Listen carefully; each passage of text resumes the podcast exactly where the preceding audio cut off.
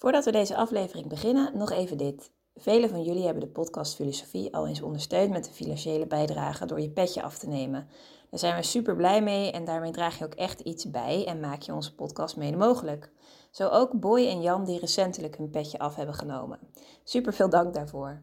En wil jij ook als trouwe luisteraar ons een steuntje in de rug geven en ervoor zorgen dat we nog lang door kunnen gaan? Kijk dan op petjeaf.com slash podcastfilosofie. Daar vind je alle info en bijdragen kan al vanaf 3 euro per maand. En het biedt ook leuke extra's op, zoals bijvoorbeeld toegang tot onze bonusafleveringen. Maar voor nu, veel plezier met deze aflevering. De ecologie noodzaakt ons tot een herbezinning op wetenschap en politiek. We drukken dit uit met de term parlement van de dingen. Het legt rekenschap af van wat al onder ons bestaat. De hybriden die nu al zo talrijk zijn geworden, dat de zuiveringsautoriteiten, de wetenschap, de politiek, zich er geen raad mee weten. Zo drukt de Franse filosoof Bruno Latour uit dat de scheiding tussen menselijke actoren en niet-menselijke actoren onnatuurlijk is en opgeheven moet worden. Waarom moet wetenschap niet alleen inzichten delen, maar ook vertellen hoe de inzichten zijn ontstaan? Hoe kijkt Latour aan tegen de nieuwe relatie tussen mens en natuur? En op welke manier kunnen ook dingen een bijdrage leveren aan ethiek? Over deze vragen en nog veel meer gaan we de komende drie kwartier hebben. De gast is Peter Paul Verbeek, de denker die centraal staat, Latour.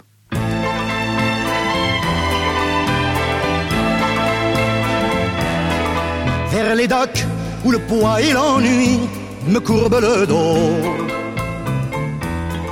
Dag, goed dat je weer luistert naar een nieuwe aflevering van de podcast Filosofie van het Centre Erasme, School voor Filosofie in Zuid-Frankrijk, Vlaanderen en Nederland. Mijn naam is Allard Amelink en het concept van deze podcast is bekend. Een hoofdgast, een presentator en een sidekick. En in ongeveer 45 minuten duiken we in het denken van één filosoof. En vandaag op afstand in Akkooi zit Kees. Hallo. En uh, iets verder op afstand in Enschede zit onze hoofdgast van vandaag, Peter Paul Verweek hoogleraar filosofie van mens en techniek aan de Universiteit Twente en wetenschappelijk co-directeur van het Design Lab aan dezelfde universiteit. En hij is daarnaast voorzitter van de World Commission of Ethics of Science and Technology van UNESCO. Peter Paul, welkom in de podcast. Hi, fijn hier te zijn. Hartstikke mooi. En we gaan het vandaag hebben over zowaar een levende filosoof, uh, Bruno Latour. Geboren in 1947, een Fransman. Hij is momenteel als emeritus hoogleraar verbonden aan de Sciences Po in Parijs. En hij is actief op het gebied van wetenschapsfilosofie, techniekfilosofie en vooral ook bekend van dat hij zich bezighoudt met de meest actuele vraagstukken, waaronder klimaatverandering.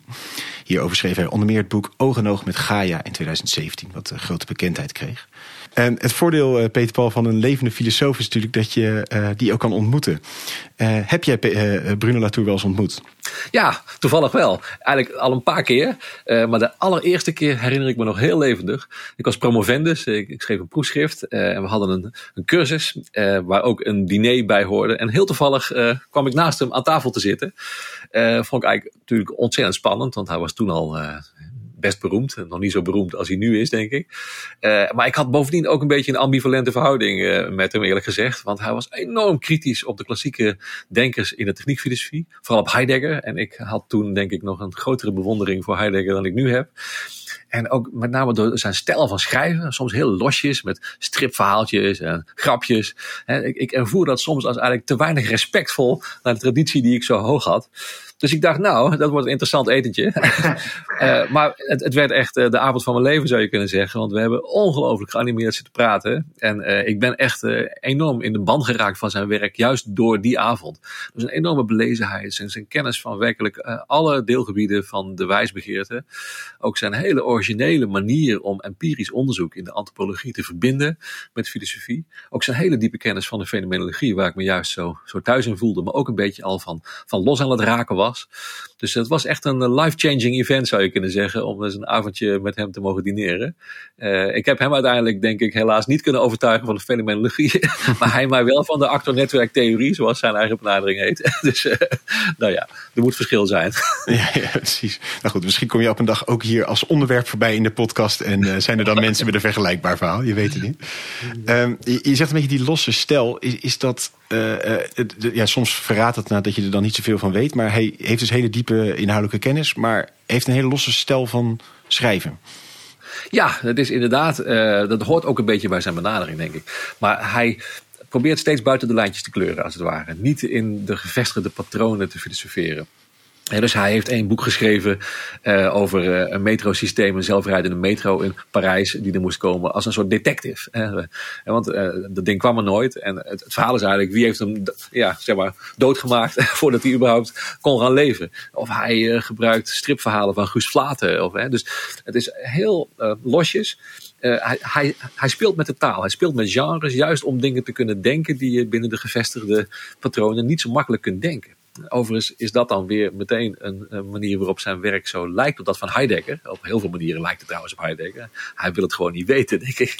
want die probeert ook steeds uh, door terug te gaan naar oude woorden en heel dichterlijk, als het ware, oude woorden naar boven te halen. Dingen te denken die we niet meer kunnen denken, zoals Heidegger dat zegt. Nou, dat doet Latour eigenlijk op zijn hele andere manier, met stripverhalen en met detectiveverhalen. Uh, net zo. En, en wat wil hij denken dat we niet meer kunnen denken? Of nog nooit hebben gedacht? Ja, nou, het, het, het, hoofdthema van zijn werk is eigenlijk dat we op een nieuwe manier over de verhouding tussen subject en object, over mens en wereld, over de mensen en de niet-mensen, zoals hij het noemt, moeten denken. dus ik probeer altijd uh, ja, zijn werk maar in een soort drie fases op te delen.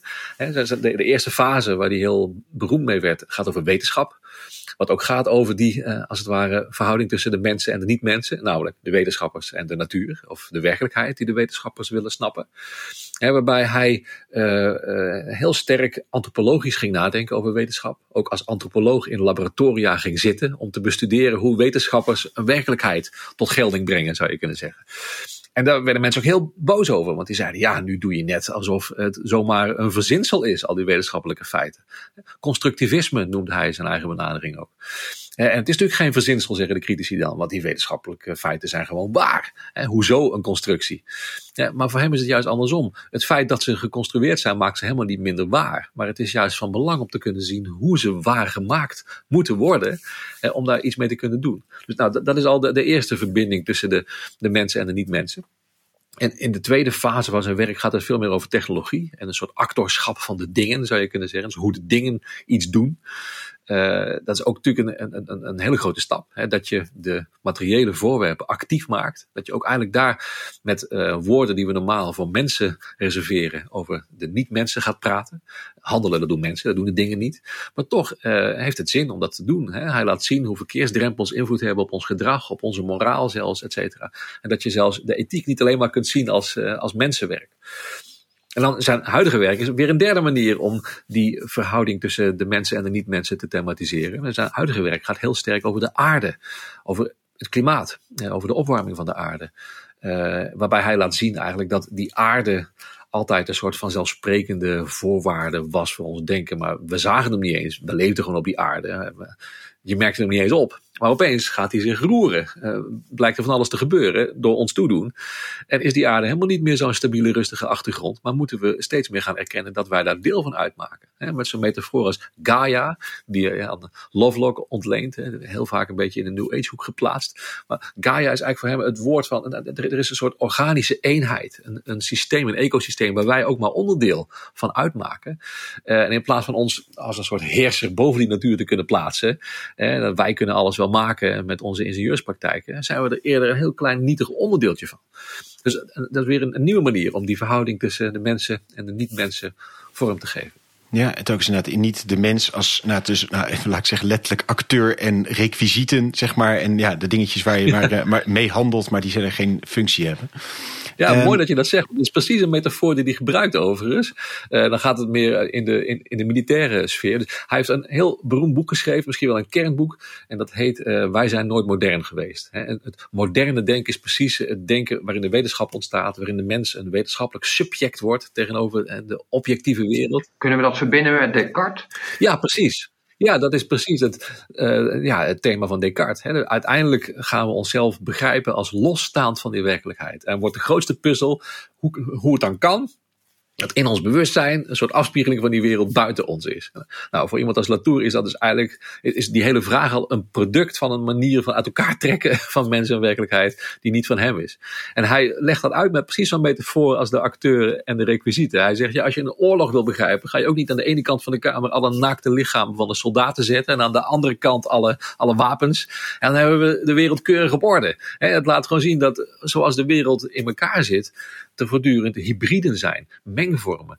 allerlei relaties van mensen en niet-mensen. En in die ja, netwerken van relaties komt de wereld tot stand. Dus dat is waar we ons denken op moeten richten, op die relaties. Zullen we ze even langslopen, die verschillende uh, blokken die je noemt eigenlijk in zijn, zijn denken? Uh, allereerst is die, die wetenschapsfilosofie. Hij, hij, ging dus, zeg je, als een antropoloog kijken naar de, de, de, de, de, de stammen van de wetenschappers. Ja, zo zou je het kunnen zeggen. Inderdaad, zoals je een vreemde cultuur probeert van binnenuit te snappen. Dat is natuurlijk wat antropologen vaak doen. Het is niet met een vooraf, ja, vooraf vaststaand kader gaan kijken, maar juist van binnenuit snappen hoe betekenis tot stand komt in een cultuur. Zo ging hij naar de wetenschap kijken. En uh, dat is eigenlijk ook uh, nou, het begin geweest van een heel vakgebied. Science and Technology Studies is nog steeds een heel groot vakgebied. Waar hij echt van aan de, aan de wortels staat, aan de, aan de bron staat. Ook wel een provocatie in zekere zin. Hè? Dus dat je uh, die wetenschappers, die daar dus namens de waarheid spreken, opeens gaat bestuderen om te kijken hoe ze dat doen. Maar niet uh, als een soort heldenverering. Zo van, oh wat knap dat ze dat doen. Ook wel, want hij heeft on ongelooflijk veel respect voor de wetenschap. Maar juist ook als een manier om er kritisch naar te kunnen kijken. Dus wat hij doet is eigenlijk een onderscheid maken tussen wat hij dan noemt science in the making en ready-made science. Dus science in the making is de wetenschap die wordt gemaakt, die wordt gedaan door de wetenschappers. En ready-made science, dat zijn de feiten, dat zijn de uitkomsten. En ter doen we het alleen maar met die uitkomsten, met die feiten. Die staan in artikelen, die uh, halen de kranten, daar baseren de politici zich op, et cetera. En die science in the making, dat is niet zo interessant, want dat is gewoon het voorbereidende vuile werk als het ware. Maar hij zegt, daar gebeurt het juist. Daar ontstaan de verbindingen tussen de wetenschappers en de werkelijkheid, tussen de mensen en de niet-mensen. En alleen maar op grond van die verbindingen kan een feit een feit zijn. Als je die verbindingen niet had, kon het feit nooit op deze manier een feit zijn. Ik vind zelf altijd, als ik aan studenten uitleg, eh, probeer ik het altijd ook uit te leggen met technologie. Als je tegenwoordig aan een psycholoog vraagt waarom een puber niet zo goed verantwoordelijkheid kan nemen voor zijn of haar gedrag, dan krijg je meestal een plaatje van een, van een MRI-scan met de plek waar het rationele denken zit in het brein. En dat functioneert anders bij een puber dan bij volwassenen. Eh, en daarom kan een puber niet zo goed verantwoordelijkheid nemen. Maar zonder fMRI kun je dat hele verhaal niet vertellen. Freud had ook een verhaal. Die had een verhaal over individuatie en separatie. Hè, waardoor je juist uh, je eigen kompas moet vinden door je af te zetten tegen het kompas dat je aangeleerd hebt. Anders word je nooit een individu. En Freud had ook een technische infrastructuur. Een sofa en een stoel erachter, zodat de, de patiënt hem niet kon zien en associaties vrij kon laten vloeien. Hè, dus allebei die um, theorieën over hoe de wereld in elkaar zit, rusten op die relatie tussen de wetenschapper en datgene wat de wetenschapper onderzoekt. Dus dat, dat, dat, dat eh, constructivisme, wat, wat, wat denk ik een hele negatieve bijklank uh, heeft gekregen in, in, in de brede samenleving, als zouden mensen waarheid maken, verzinnen dus eigenlijk. Dat is eigenlijk veel meer, dat bedoelt eigenlijk veel meer pragmatisch, in de zin van we maken dat met onze materiële omgeving. Ja, uh, en daarmee kun je dus inderdaad um, wetenschappelijke feiten misschien nog veel meer op waarde schatten. Het is niet zo relativistisch als het klinkt. Het betekent vooral niet dat de wereld zomaar een verzonnen verhaaltje is of zo. Hij heeft ergens een heel mooie tekst in een van zijn boeken dat hij op een conferentie is en dat de student achter hem aanholt, die helemaal overstuur is uh, van zijn constructivisme en uh, hem toeroept van achter in de gang van uh, meneer Latour, gelooft u in de werkelijkheid? Ja, dan stappen ze samen in de lift en dan zegt hij, in de werkelijkheid moet je daarin geloven dan? Die is er toch gewoon? Nee, maar het is toch maar een constructie volgens u. En dan zegt hij, ja, maar wij staan hier in een lift naar de top van een wolkenkrabber. Is ook een constructie. Ben je bang dat hij zomaar instort? Nou, nee, dat natuurlijk ook weer niet. Nou, zegt hij, dat, dat is precies zoals je over wetenschappelijke feiten kunt nadenken. Een constructie kan prachtig zijn. Het doet niets af aan de waarde, aan de echtheid van zo'n gebouw of van zo'n feit. En, en, op welke manier is dit, uh, onaardig gezegd, relevant? Zeg maar? Welk inzicht levert dit op? Uh, behalve dat het inhoudelijk ah, ja, dit, klopt. Nou, ik, ik, denk dat dit eigenlijk uiteindelijk uh, de basis is geworden voor politiek denken. Voor denken over de rol van wetenschap in de politiek. En dat is waanzinnig belangrijk. Ik denk dat hij in de tijd van Donald Trump eigenlijk uh, de ideale basis had om met terugwerkende kracht uit te leggen wat hij bedoelde. Zonder dat mensen er meteen boos over werden. omdat hij dan kon laten zien dat Trump, die het klimaatprobleem ontkende, die ontkende dat uh, de mens de oorzaak is van de opwarming van de aarde, gewoon als het ware de wetenschappelijke feiten negeerde. En hij zegt, daaraan kun je dus zien dat feiten niet zomaar vanzelf een feit zijn, maar dat ze waar gemaakt moeten worden. En dat je ook als wetenschapper eigenlijk mensen moet kunnen meenemen, dus in hoe je tot je waarheid komt. En in die zin was Latour denk ik wel visionair, want de hele ontwikkeling van de wetenschapscommunicatie en de relatie tussen wetenschap en samenleving is sinds de jaren 70, 80, waarin hij dit soort ideeën ontwikkelt, enorm veranderd. Je gaat niet meer als wetenschapper alleen maar eh, uitleggen hoe vreselijk cool de wetenschap is. Dat doe je misschien ook nog wel af en toe. Maar het gaat er juist ook om dat je de ramen en de deuren openzet. Dat je uitlegt hoe je tot je conclusies komt. Zodat mensen kritisch mee kunnen denken. En de nieuwste uh, uh, ontwikkelingen richting citizen science gaan nog verder. Citizen science, burgerwetenschap. De burger die actief mee gaat doen aan het wetenschappelijk onderzoek. En dus die science in the making, die vroeger als het ware een beetje weggemoffeld werd. Want de wetenschappers waren een orakel dat de waarheid sprak. Science in the making is nu juist, uh, nou ja, of the matter geworden. En dat is juist ook uh, politiek ongelooflijk belangrijk. En als ik nu denk aan, aan recente politieke uh, wetenschappelijke vraagstukken, zeg ik, natuurlijk corona. ja. Lukt het jou, wat jou betreft, daar aardig om ook die science in the making te laten zien? Of is het toch wel veel nou, orakelachtige wetenschap? En, wat we, ja, mooi. Dat en, en het skepsis wat er over die inzichten bestaat, dat verraadt ergens dat het misschien iets te veel die orakelkant is. Ja, ja. nou ja, inderdaad. Ik, dit is precies uh, waar het Latour om gaat. En dus deze coronatijd laat juist heel veel zien van, van zijn werk. Want inderdaad, um, aan de ene kant uh, uh, heb je natuurlijk een hoop mensen die um, nou ja, de wetenschappelijke kennis niet zo serieus willen nemen. Of zelfs bang zijn dat daar een partijdigheid in zit. En dat de mensen die de vaccins ontwikkelen ook de mensen zijn die verantwoordelijk zijn voor het feit dat we die vaccins überhaupt moeten nemen. Hoe ze overigens niet eens per se te nemen. dus, maar ik, ik ik denk wel dat je ziet dat juist nu in die tijd van corona die verhouding tussen politiek en wetenschap echt op de spits gedreven is. je hebt een outbreak management team, je hebt het RIVM, Jaap van Dissel. Ehm, wat moet de politiek doen? Uh, kunnen we de politiek achterwege laten. Gewoon luisteren naar de wetenschappers. Ja, dat willen we natuurlijk ook niet. Eh, aan, aan, de andere kant willen we natuurlijk ook wel die wetenschappelijke feiten serieus nemen. En ik denk dat wat er is gebeurd de afgelopen tijd is dat wetenschappers steeds vaker het publiek hebben geprobeerd mee te nemen. In het beter snappen hoe dat virus werkt, hoe het zich verspreidt, hoe vaccins werken, dat er verschillende typen vaccins bestaan, et cetera. En dat je aan de andere kant ook ziet dat je um, ja, uh, mensen uh, tot verantwoordelijkheid kunt oproepen. Door ze ook uh, ja, die openheid voor het proces van de wetenschap ehm, ja, aan te reiken, als het ware. Ja. Um, volgens mij hebben we dan een beetje dat eerste blok gehad, of niet, van de, de, de wetenschapsfilosofie. Ja, het is inderdaad, uh, nou, wat ik misschien nog zou kunnen zeggen, en is dan ook weer een bruggetje naar wat we later gaan doen, is dat juist doordat hij um, het tot stand komen van de feiten uh, meeneemt in zijn wetenschapsfilosofie, die politieke dimensie zo ontzettend belangrijk wordt.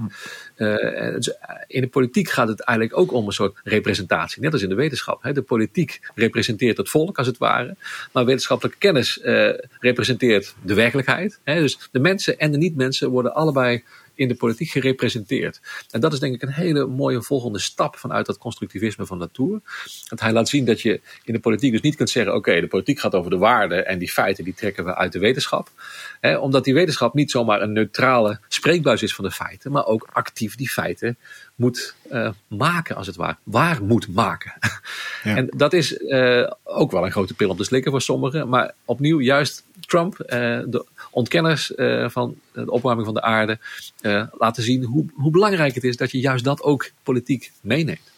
En hoe zou je dat politiek ja. kunnen meenemen? Door inderdaad Jaap van Dissel aan tafel te zetten, zeg maar. Om het even heel praktisch te maken. Ja, en door ook, eh, precies. En door ook in de Kamer, zoals nu ook gebeurt rondom de crisis, de wetenschappers te ondervragen over hun wetenschap.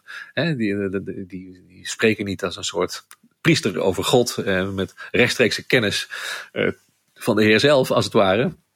Maar die hebben een verhaal en daar kun je kritisch over nadenken. Het laat ook zien eigenlijk dat het heel belangrijk is dat Kamerleden wetenschappelijk onderlegd zijn. Ja. Dat ze ook kritisch in discussie kunnen gaan met wetenschappers voor ze zich baseren op de kennis die die wetenschappers aanreiken.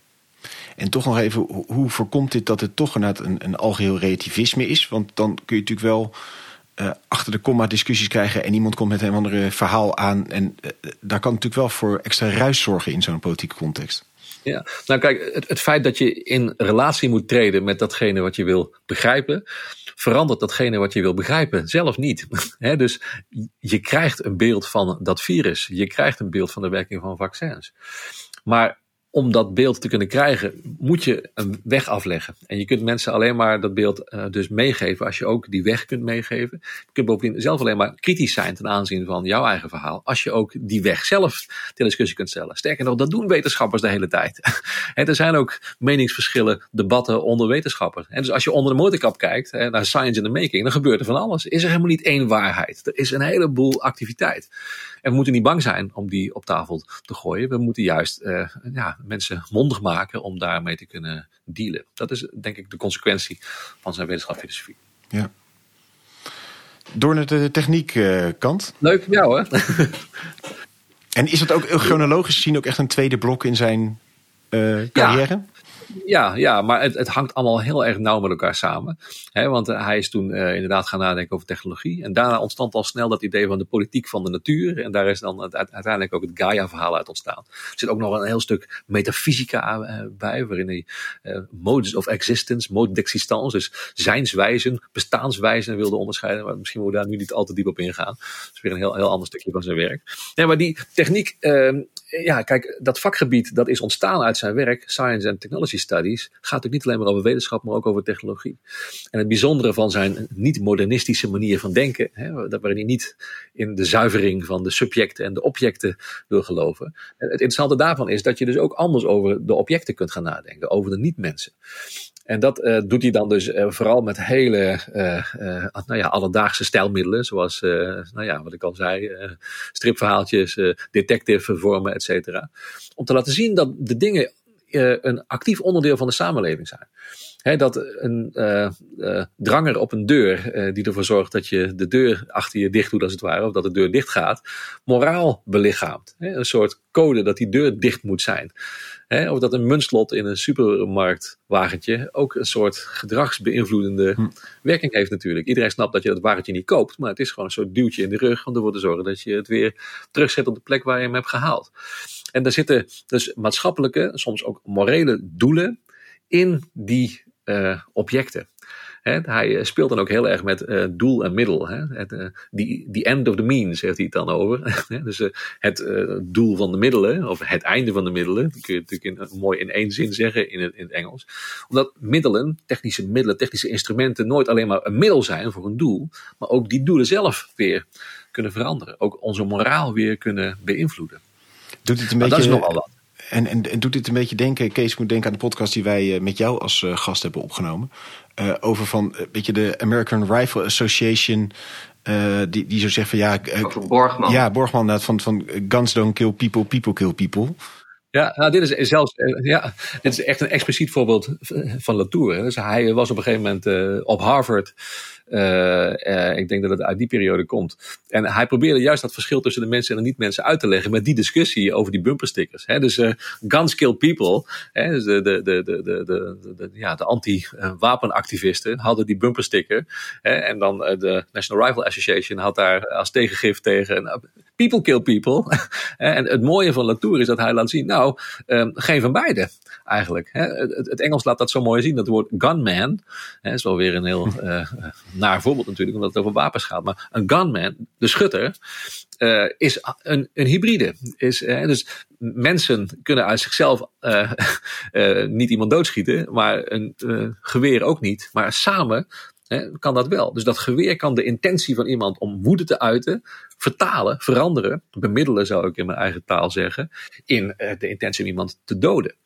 En dat laat iets zien van een soort activiteit van de dingen, die niet uh, te geleiden is tot een soort eigen bewustzijn van de dingen of zo. Hè. Dat is natuurlijk wat mensen dan ook heel makkelijk gaan, gaan roepen. Oh, dus je denkt dat de dingen kunnen denken, dat de dingen een geheim plan met de wereld hebben. het, is, het is geen animisme wat hij wil.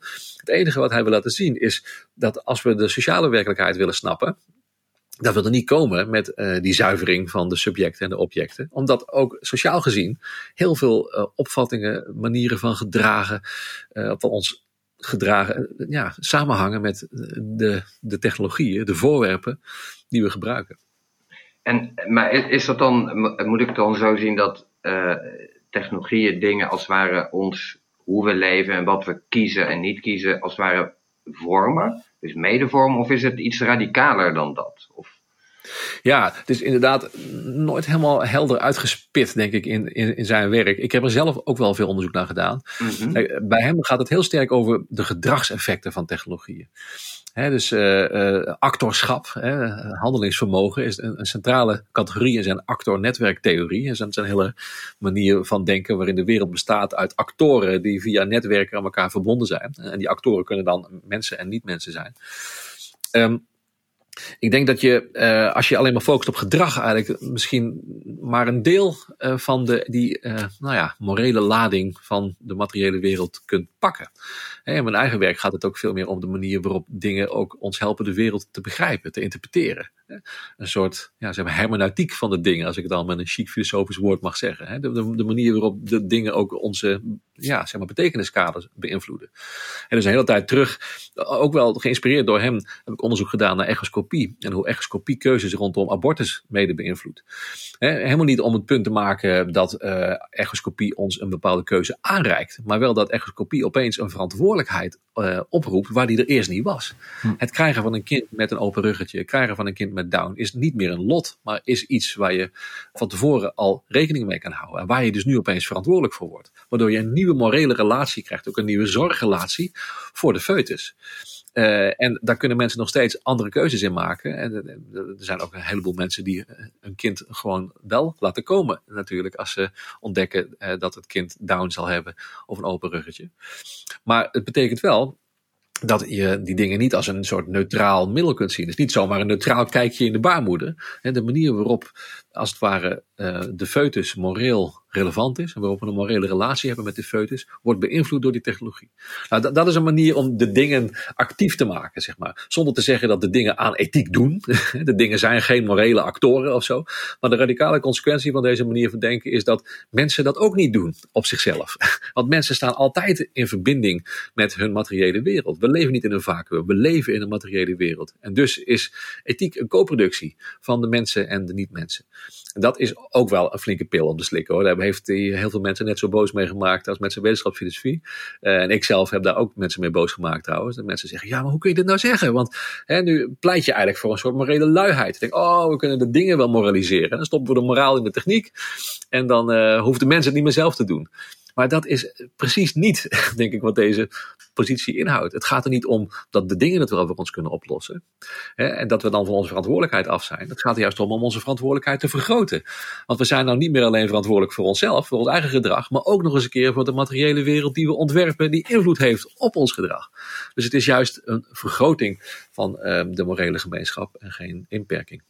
Ook omdat je een, een belangrijke blind spot eigenlijk uh, helder maakt. Dus in het voorbeeld van, van echoscopie, dat, uh, bijvoorbeeld, is dat je dan, je, je wil eigenlijk niet doen alsof dat een keuze is die, die je onderling maakt, maar je wil uh, helder hebben van, ja, maar wacht even, dit is een keuze die er überhaupt is dankzij bepaalde technologie. En dat geeft dan een, wat, wat, wat, wat weten we dan, zeg maar? Ja, nou dan weten we in ieder geval, denk ik, dat we um, verantwoordelijkheid kunnen nemen voor de impliciete keuzes die zo'n technologie aandraagt. Dus uh, je kunt zeggen, oké, er is echoscopie en dus gaan we uh, by default uh, scannen of er iets mis is, als je het mis zijn mag noemen. en nou, dan, dan, dan, dan ga je eigenlijk onbereflecteerd mee in een soort impliciete moraal. Dat als je het van tevoren weet en er is iets mis, dat je er dan ook iets aan moet doen.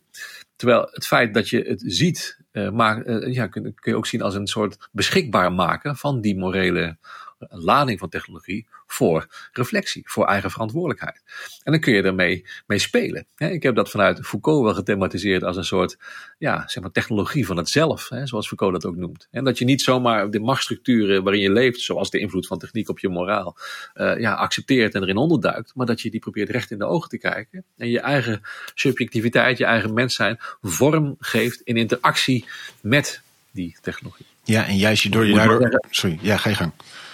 Nou ja, toevoeging. Zoals ik het nu formuleer, zit ik echt vanuit mijn eigen fenomenologische kader te denken. En Latour zou dit nou net niet meer mee voltrekken. Het subject dat zich toe-eigent hoe de objecten op het subject inwerken. Er zit in mijn verhaal toch een soort uit elkaar trekken. Ja. Ja, en dat wil ik volhouden. Dus ik wil ze niet helemaal uit elkaar trekken. Ik wil ze niet scheiden, maar ik wil ze wel kunnen onderscheiden. Ik denk toch, ik ervaar mezelf in een wereld. Eh, en ik kan mezelf niet zonder die wereld ervaren. Maar ik denk dat het echt zin heeft om toch ehm, ja, subject en object, mensen en niet-mensen te onderscheiden. Je kunt zelfs het hele verhaal van natuur niet uitleggen zonder toch die onderscheidingen wel te maken. Ja, want toch heel even naar die, de, de, mens die daar dan in handelt. Welke, je zegt dat neemt dat die verantwoordelijkheid neemt eigenlijk toe omdat je die kennis toeneemt. En dus word je meer bewust van welke keuzes je kan maken. Maar verandert het nog iets aan de mens zelf? Of nou ja, dus ik, ik denk dat wij, als we zien dat technologieën moreel geladen zijn, een verantwoordelijkheid krijgen. A, voor het ontwerpen van die technologie. Eh, opeens eh, kun je ook bedenken dat dat anders zou kunnen. Als je die moraal kunt lezen, kun je er misschien ook eh, in schrijven, als het ware. En ten tweede worden we verantwoordelijk voor het omgaan met die technologie, het maatschappelijk inbedden dus met echoscopie, uh, je kunt zeggen, technologisch gezien, uh, ja, moet dat ding wel automatisch meteen metingen uitvoeren, waardoor je weet of je kans hebt op een kind met Down syndroom. Maar je kunt ook zeggen, moeten we wel een screeningprogramma invoeren na twintig weken voor iedereen? Ik ben helemaal niet tegenover, zo, maar ik, ik geef maar gewoon een voorbeeld aan. En dus eh, de techniek zelf, de inbedding en ook de gebruiker zelf. Dus je kunt mensen toerusten. Ik denk ook dat het eigenlijk steeds meer is gaan horen bij burgerschap in onze digitale, in onze technische samenleving. Dat we die techniek ook leren lezen als iets sociaals en die invloed van techniek op onszelf ook eh, nou ja, kunnen doorgronden om er verantwoord mee om te kunnen gaan. Maar dit is eigenlijk een, een, een gevolgtrekking die, die, die je zelf maakt uh, op basis van, van ja, voorwerk als het ware van Latour. Kan ik het, kunnen dat zo zien? Ja, ja ik denk dat uh, bij, bij Latour staat heel sterk ook die morele lading van de technologie centraal. Er zijn meer mensen die dat hebben gethematiseerd. Uh, maar uh, ik, ja, dus dingen die ik net aangaf gaan iets meer ook richting fenomenologie of postfenomenologie, zoals we dat nu noemen, met een, met een mond vol. Ehm, maar de inspiratie is duidelijk Latouriaans. Het echte Latouriaanse idee is dat je er niet komt met die zuivering van subjecten en objecten, maar dat je als het ware uh, ook met de woorden die we normaal voor de mensen gebruiken over de dingen moet gaan praten, om te snappen wat ze met ons doen. Hey, en, en brengt het ons dit dan langzaamaan naar dat derde deel van uh, Gaia en de aarde. Waar we ook dus naar Ivo moeten zien dat dat dus niet een, een, uh, ja, een decor is, maar ook een actor. Ja, lijkt me een prachtige overgang. Want inderdaad uh, is dat misschien wel de meest radicale consequentie hè, van het, nou ja, vagere maken van de grens tussen subject en object laten zien dat we ook een heel ander verhaal over onszelf moeten leren vertellen eigenlijk. dat wij niet het middelpunt zijn.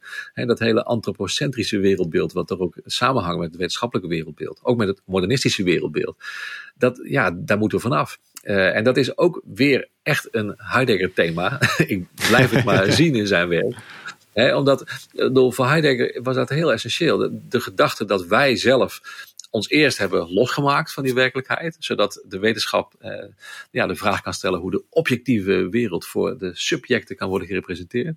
En dat, is, dat is de eerste stap. Maar de tweede stap is dat je, als je er eenmaal los van bent, kun je er ook over gaan heersen. He, dus dan krijg je die wil tot macht, waarbij de wereld vooral een soort voorraad grondstoffen voor ons wordt, waar we over kunnen, kunnen beschikken.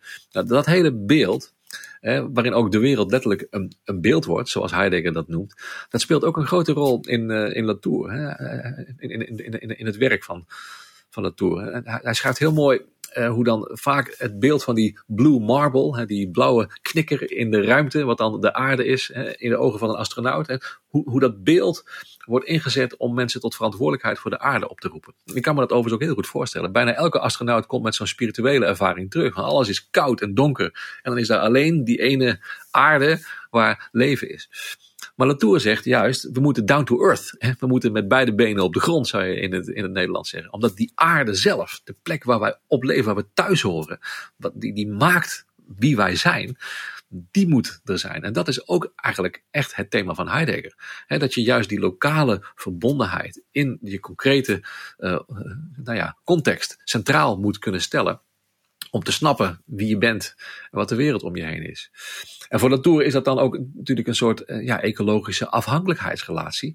Hè, waarbij als je het zo framet, dan staat de mens ook alweer bovenaan. Wij zijn afhankelijk van de, ja, de rest van de aarde voor ons voortbestaan. Maar ja, in dat hele beeld van Gaia, dat hij, zoals ik al zei, vanuit Lovelock in de discussie weer inbrengt, is eigenlijk vooral dat het één groot levend organisme is. Dat zich integraal ontwikkelt. En ook als het ware op dat niveau van de aarde kan worden beschreven. En dan zijn we gewoon maar één van de vele organen van de aarde. Uh, nou, dat inzien is denk ik uh, zowel belangrijk om te snappen hoe wij denken. De aarde, de, basis waarop we leven, bepaalt dus ook hoe wij denken, hoe we de wereld kunnen begrijpen. Maar het bepaalt ook, denk ik, uh, ja, hoe we keuzes zouden kunnen maken. Want het probleem is in zekere zin dat wij de enige zijn die in de politiek ook kunnen spreken namens de niet-mensen. En dat is precies de koppeling uh, waarin ook eigenlijk dan zijn politieke werk en ook zijn werk over wetenschap weer bij elkaar uh, uh, komen. Iemand moet ook als het ware Gaia besturen. Of iemand, wij mensen hebben een bijzondere verantwoordelijkheid in het besturen ja. daarvan. Betekent ook dat wij um, ja, die politiek van de dingen ook moeten uitbreiden tot een politiek van de natuur en dan kom je weer op dat uh, thema terecht waar we het al eerder over hadden, dat er altijd een soort dubbele representatie uh, is. Hè. De mensen en de niet-mensen worden gerepresenteerd in de politiek. En dan komt het erop aan hoe we zo goed mogelijk ook de niet-mensen kunnen representeren. Dus in Nederland is er zo'n prachtig initiatief he, van de ambassade van de Noordzee. He, mensen die geïnspireerd door Latour uh, in naam van Noordzee, uh, namens de Noordzee, politiek willen spreken. De belangen als het ware, als je het al wil framen als een belangenstrijd. Maar in ieder geval het perspectief van de Noordzee en de bewoners van de Noordzee uh, op de politieke agenda willen zetten. Nou, dat is natuurlijk een heel ingewikkelde thematiek. want wij zijn nog altijd degene die dat dan op de agenda zetten. Dus je ontsnapt dan ook haast niet aan je antropocentrisme als het ware. Maar de kunst is om dat op een zo verantwoorde manier te doen dat we vanuit het geheel spreken. En in, ieder geval dat we onszelf niet meer uh, bovenop plaatsen, maar dat we onszelf als onderdeel van het grotere geheel zien. En, en want hoe kijkt Latour naar de plek die de mens nu inneemt op aarde? Je zegt nou het is een orgaan, het is natuurlijk wel een soort lekkende lever of zo, zeg maar, als je kijkt naar de impact die de mens heeft op de, op de wereld. Wat, hoe kijkt hij daarnaar? Nou ja, als een. Uh, wezen dat uh, dubbel is verbonden met die aarde. Uh, aan de ene kant zijn we de aarde uh, enorm aan het veranderen hè, met onze industriële activiteiten. Hè. De opwarming van de aarde is toch wel het is toch vrij onomstreden dat het aan ons toe te schrijven is. En tegelijkertijd zijn we er totaal af, afhankelijk van. En is ons eigen voortbestaan misschien ook wel afhankelijk van die aarde. Hij laat ook heel mooi zien in tijden van de coronacrisis dat we ook eigenlijk veel meer zouden kunnen doen dan we doen. Het argument tegen het pleidooi van veel milieuactivisten om de economische groei te stoppen of om andere vormen van economie te ontwikkelen, was altijd van ja, dat kan toch niet. Dan gaat alles kapot en dan stort de hele wereld in. Maar ja, door de coronacrisis zijn we wel degelijk in staat gebleken om de economie gewoon stop te zetten. En dat heeft natuurlijk enorme gevolgen. Dus het is geen, dat is geen feest, verre van dat. Maar het kan wel. En dat geeft Latour denk ik nu een soort nieuwe uh, energie. En eigenlijk zegt hij, die coronacrisis is een soort generale repetitie voor de klimaatcrisis die mocht komen. En dat klinkt een beetje Schopenhauer-achtig, maar uh, het ergste moet nog komen. dus, in die zin is het ja. niet zo vrolijk stemmend, ook al is Latour toch vaak wel verrassend humoristisch. Mm. Maar ik denk dat het wel een heel mooi perspectief is. Dat we zien, op, op het moment dat wij die verbondenheid van onszelf met de aarde zien, waar het virus natuurlijk ook bij hoort en waar het virus uit heeft kunnen ontstaan, uit onze nieuwe manier van met dieren omgaan. Het is een zoonose, zoals ze dat noemen. Het is overgesprongen van, van dieren op mensen. Dat, dat, dat hoort bij het feit dat we nu in, in, in deze crisis zitten. En er zullen er nog veel meer komen. Uh, en dan komt het erop aan of wij in staat zullen zijn om vanuit dat geheel van, van Gaia, het hele ecosysteem, keuzes te maken. En niet alleen maar vanuit onze individuele korte termijn belangen. En, en, en, en, welke rol speelt technologie erin volgens Latour? Het is bij mijn weten eigenlijk niet zo uh, heel uitgewerkt thema momenteel. Maar ik moet zeggen dat ik ook niet al zijn recente werk heb gevolgd hoor, de afgelopen periode. Maar um, ik denk dat het een Latouriaanse zienswijze zou zijn om te zeggen dat we uh, eigenlijk uh, het klimaat enorm veranderd hebben met onze uh, uitstoot. En dat we eigenlijk een soort geoengineering hebben gedaan, zoals dat heet. Hè? Dus ingrijpen in het klimaatsysteem. Uh, zonder dat we dat goed door hadden. En dat je misschien ook dan de consequentie onder ogen moet zien dat we dit soort technologieën misschien ook zouden moeten toelaten. Ik weet ook niet, nou, ik, ik, weet niet zeker of hij daar onmiddellijk open voor zou staan. Ik zou het zelf wel een spannende consequentie vinden. Niet dat ik zo enthousiast zou zijn over geoengineering per se. Het is ook enorm riskant om te gaan rommelen met het klimaat. Weet jij veel wat er allemaal gaat gebeuren. Tegelijkertijd hebben we het dus al gedaan. En uh, nou, laat het ook zien hoe onze um, relatie tot het klimaat en tot de aarde met haar klimaat door en door technologisch bemiddeld is. En moeten we die rol van technologie daarin uh, ook ja, een volwaardige plek geven als we naar meer verantwoorde manieren van omgaan met de aarde zouden willen toewerken. Dat zou een soort van reverse geoengineering kunnen ja, dat is natuurlijk in, in, in die wereld. Maar goed, nogmaals, nu praat ik gewoon uh, verder in, de, in, in, in mijn lijn vanuit Latour en niet uh, van, uh, vanuit Latour zelf. Maar ja, er zijn allerlei manieren in de maak om CO2 uit de atmosfeer af te vangen. Uh, bijvoorbeeld algen in oceanen te strooien, die CO2 kunnen opvangen en kunnen omzetten in kalk of zo. Nou, dat is nogal wat. Want als je dat zou kunnen gaan doen uh, die algen die planten zich voort. En kun, je, kun je er ooit nog een rem op zetten? Ja. En, uh, wat als we te veel CO2 afvangen? En, of als het heel lokaal gebeurt? Hè? We, we, hebben eigenlijk nog onvoldoende kennis van het totale klimaatsysteem misschien om dat verantwoord te kunnen doen. Maar ervoor openstaan dat je misschien uh, een route als deze zou moeten verkennen. Dat je het in ieder geval ziet als onderdeel van onze relatie met Gaia. Dat zou wat mij betreft een soort radicale consequentie zijn van het Latouriaanse denken. Niet om te zeggen dat we het dus moeten zien als een engineering project. Hè. Dus dat zou misschien wel uh, het punt zijn wat Latour nu zou maken. Zeg, ja, maar dan ga je alleen maar door in die fantasie dat jij als mens de macht heerst. En, over. Ja. ja. dus, maar als je het ziet als een soort uiting van uh, omgaan met je kwetsbaarheid, met de kwetsbare relatie uh, waar we samen in zitten, dan zou je dat uh, een hele andere ethische lading kunnen geven. En veel meer ook vanuit respect en vanuit zorg kunnen vormgeven dan vanuit beheersing. En als je over die representatie van uh, de niet-menselijke actoren, uh, zijn, wat, noemt hij daar zelf concrete voorstellen voor of hoe dat eruit zou kunnen zien?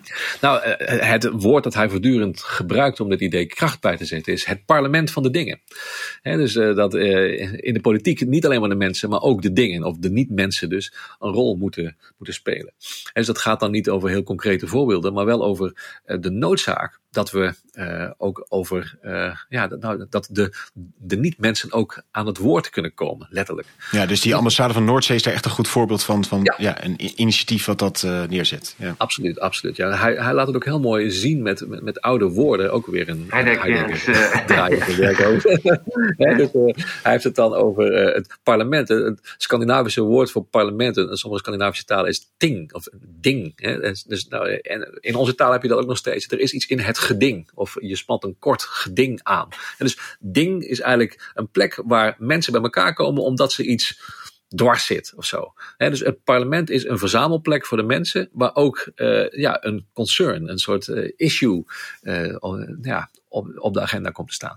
En ik denk dat je dat ook heel mooi ziet in de politiek. dus mensen komen bij elkaar, maar er is ook een probleem. En die mensen moeten, ja, moeten aanwezig worden gesteld, maar het probleem ook. En het probleem vergt dus kennis. En dat is die representatie van de, van de niet-mensen. En dan zou je dus vanuit mijn eigen perspectief van techniekfilosofie, ook weer geïnspireerd door Latour, kunnen zeggen dat juist ook in de manier waarop die mensen bij elkaar kunnen komen en waarop de issues uh, politiek relevant kunnen worden, technologie een rol speelt. Dus hoe begrijpen wij met behulp van technologie wat er op het spel staat en hoe kunnen mensen bij elkaar komen? Niet alleen maar meer in een parlement, maar ook uh, online. Ook op sociale media worden issues geconstrueerd door mensen onderling. Dus daar zit ook een soort uh, nieuwe ruimte voor, voor democratie, die niet alleen maar gaat over hoe de mensen bij elkaar komen, maar juist ook over hoe de natuur zich kan, kan mengen en wie er op welke manier ook namens de natuur zou kunnen spreken. Ja. Dankjewel, uh, Peter Paul. Volgens mij een heel uh, interessant verhaal. Ik denk dat we Heidegger in ieder geval uh, goed al uit de doeken hebben gedaan qua nou ja, het tegenstander van Latour. Maar jij zegt eigenlijk veel meer verwantschap dan die zelf misschien wil toegeven. ja. wat zou je aanraden van Latour als eerste te lezen als iemand daarmee aan de slag wil? Nou, als eerste te lezen van Latour zou ik zeggen, als je nu moet beginnen, er is net een prachtig boekje Het Parlement van de Dingen net verschenen over Gaia en de representatie van niet-mensen. En eigenlijk uh, heel veel van de thema's die we nu in deze podcast hebben uh, aangeraakt zitten daarin. Het boekje is verschenen omdat uh, Latour vorig jaar de Spinoza Lens heeft gewonnen. Dat is een, een grote internationale prijs voor filosofen die heel invloedrijk zijn in de maatschappij. en wiens werk van hele hoge waarde is, zowel voor de wijsbegeerte als voor de samenleving. Uh, dus dat is denk ik een heel mooi begin. Uh, prachtig boekje om uh, te lezen, waarin je zowel iets leert, leert, over Gaia als over die representatie van de niet-mensen en de relatie tussen de mensen en de niet-mensen. Dankjewel. We hebben het gehad over Bruno Latour, een nog levende Franse filosoof die zich ook bezighoudt met zeer actuele thema's. Um, eigenlijk zijn grote ding is dat hij een, uh, de, de scheiding tussen de mens en de niet-mens wil laten vervagen. Dat is een beetje het modernistische project. De mens is een subject ten opzichte van allerlei objecten. En wij kunnen die uh, objecten kunnen we uh, kennen en we kunnen er uiteindelijk over heersen. Maar daarmee staat de mens dus centraal en kan heersen over die wereld. Terwijl, zo zegt Latour, de mens heel erg ingebed is juist in die wereld. De mens staat er niet buiten, maar zit erin. En de mens is onderdeel van een geheel, van een ecosysteem. En uh, in de wetenschap en in de politiek proberen we uh, eigenlijk ja, de boel te zuiveren en uh, ons als subject daarin apart te zetten. Maar nee, zegt Latour, er zijn eigenlijk juist een hele hoop hybride vormen waarin je juist ziet dat menselijke actoren en niet-menselijke actoren juist heel erg door elkaar lopen. Hij begint met eigenlijk een soort antropologisch onderzoek uh, naar wetenschap. Uh, hij kijkt dan naar hoe uh, wetenschappers feiten maken. Want uiteindelijk is het ook een proces waarin je kiest welke feiten het zijn, welke instrumenten je gebruikt. En zo wordt het een constructie. Dat bedoelt hij niet relativistisch, maar hij zegt het is juist belangrijk om inzicht te geven in die processen. Ehm, hij zegt science in the making moet, moet leidend zijn. En niet dat ready-made science. Dat je eigenlijk als een soort orakel dingen uit uh, spuwt en daar gewoon maar zo even wat feiten deelt. Nee, je moet ook echt delen hoe je daartoe komt tot die inzichten. En bijvoorbeeld het hele klimaatdebat en de reacties van bijvoorbeeld de hoek van Donald Trump is daar een voorbeeld van. Je moet ook echt laten zien hoe je aan die feiten komt om ze uh, daadwerkelijk die impact te laten hebben. Um, hij kan, kijkt dan ook volgens naar de politieke implicatie ervan. En hij zegt, ja, al die niet-menselijke actoren... die worden niet goed gerepresenteerd. Uh, en ook dus wetenschap moet op een goede manier gerepresenteerd worden. Um, uh, en dat zou eigenlijk moeten kunnen door dus ook wetenschappers zelf daarover aan het woord te laten. Niet de feiten aan zich zo even te presenteren... maar dus eigenlijk ook met de hele context eromheen. Um, hij kijkt volgens naar techniek en uh, ziet daarna ook zie die, die, die, uh, dat onderscheid tussen niet-menselijke actoren en menselijke actoren ver, vervagen. Want zegt hij ook dingen kunnen een bepaalde moraliteit met zich meedragen. Denk aan een verkeersdrempel, denk aan een dranger op de deur. Hè, die, die zeg je eigenlijk in principe deze deur hoort dicht. En dus hebben die ook een invloed op ons. Um, en we kunnen ze eigenlijk niet goed snappen als we niet zien welke invloed ze ook op ons hebben. Denk ook aan het guns kill people of people kill people onderscheid. Waar gaat het nou om? Nee, het is een gunman. Het is hybride. Het is het geweer en de mens die dat samen eigenlijk tot de, de, de handelende actor is erin is dat dan eigenlijk een soort ding dat hij zegt, ja, dingen hebben ook een bewustzijn. Uh, is alles een beetje uh, spiritueel geladen? Nee, het is geen animisme. Dingen hebben geen bewustzijn, maar ze zijn dus wel, hebben dus wel impact op ons handelen. Kijk ook bijvoorbeeld naar echoscopie en abortus als voorbeeld. Doordat we meer inzichten hebben in wat er met ons ongeboren kind aan de hand is, zorgt er ook voor dat we dus vervolgens anders gaan handelen. Dus het heeft een invloed op ons. En het stelt ons ook voor een grotere verantwoordelijkheid op deze manier wordt moraliteit ook niet weggeparkeerd in de dingen. Van ja, het is alleen maar de context die ons beïnvloedt. Nee, we krijgen juist een grotere verantwoordelijkheid. En we kunnen niet dus uh, ons daarvan onttrekken. Vervolgens dat nog wat grenzen vager maken, kom je op het derde deel. Uh, het antropocentrische wat er af moet in relatie tot de aarde en de natuur. Um, we moeten, uh, nou, zijn dus het risico dat we ons hebben losgemaakt als mensen, gaan we er ook heersen over de objecten om ons heen. Wij zijn het subject, de rest zijn alleen maar objecten en wij kunnen daarover heersen. Nee, zo moeten we niet naar kijken, we moeten down to earth terug. En hij pakt dan het idee Gaia, en dat is eigenlijk het idee dat dus de mens uh, en de natuur één groot ecosysteem is, waar de mens slechts één van de organen in dat organisme eigenlijk is, dat grote organisme aarde. En ook daarin komt die politieke component terug. Hij heeft het dan over het parlement van de dingen. Daarin zou dan ook niet menselijke actoren gerepresenteerd moeten zijn. Het risico is natuurlijk dat je altijd nog weer antropocentrisch blijft denken en ook ergens moet, want de mens kan spreken en uh, bepaalde dingen niet. maar toch moet daar op een bepaalde manier ook de stem van bijvoorbeeld de Noordzee uh, daadwerkelijk gehoord worden. En daarom is bijvoorbeeld zo'n voorbeeld als de ambassade van de Noordzee een mooi voorbeeld. Um, en daarbij geldt ook dat de technologie daar echt een goede rol in kan spelen om op nieuwe manieren die representatie goed in te zetten. Uh, en buitengewoon actueel denken dus. Uh, zeker ook als je kijkt naar de huidige coronacrisis en de klimaatcrisis die daarachter zit. Hij zegt ja, corona bewijst eigenlijk dat het echt anders kan. We kunnen de wereld op pauze zetten. Uh, dat kon eigenlijk alleen nooit voor het klimaat, kan nu wel voor corona. In dat opzicht is corona een soort generale repetitie voor wat ons nog te wachten staat als de klimaatcrisis nog verder doorontwikkelt. Um, heel hartelijk dank Peter Paul voor een super interessant verhaal en super actuele denker. Uh, dankjewel Kees. En uh, vooral jij natuurlijk heel hartelijk dank voor het luisteren naar deze aflevering. Hopelijk kon je hem waarderen. Deel hem vooral met anderen. Laat een recensie achter als het kan. En graag tot de volgende keer.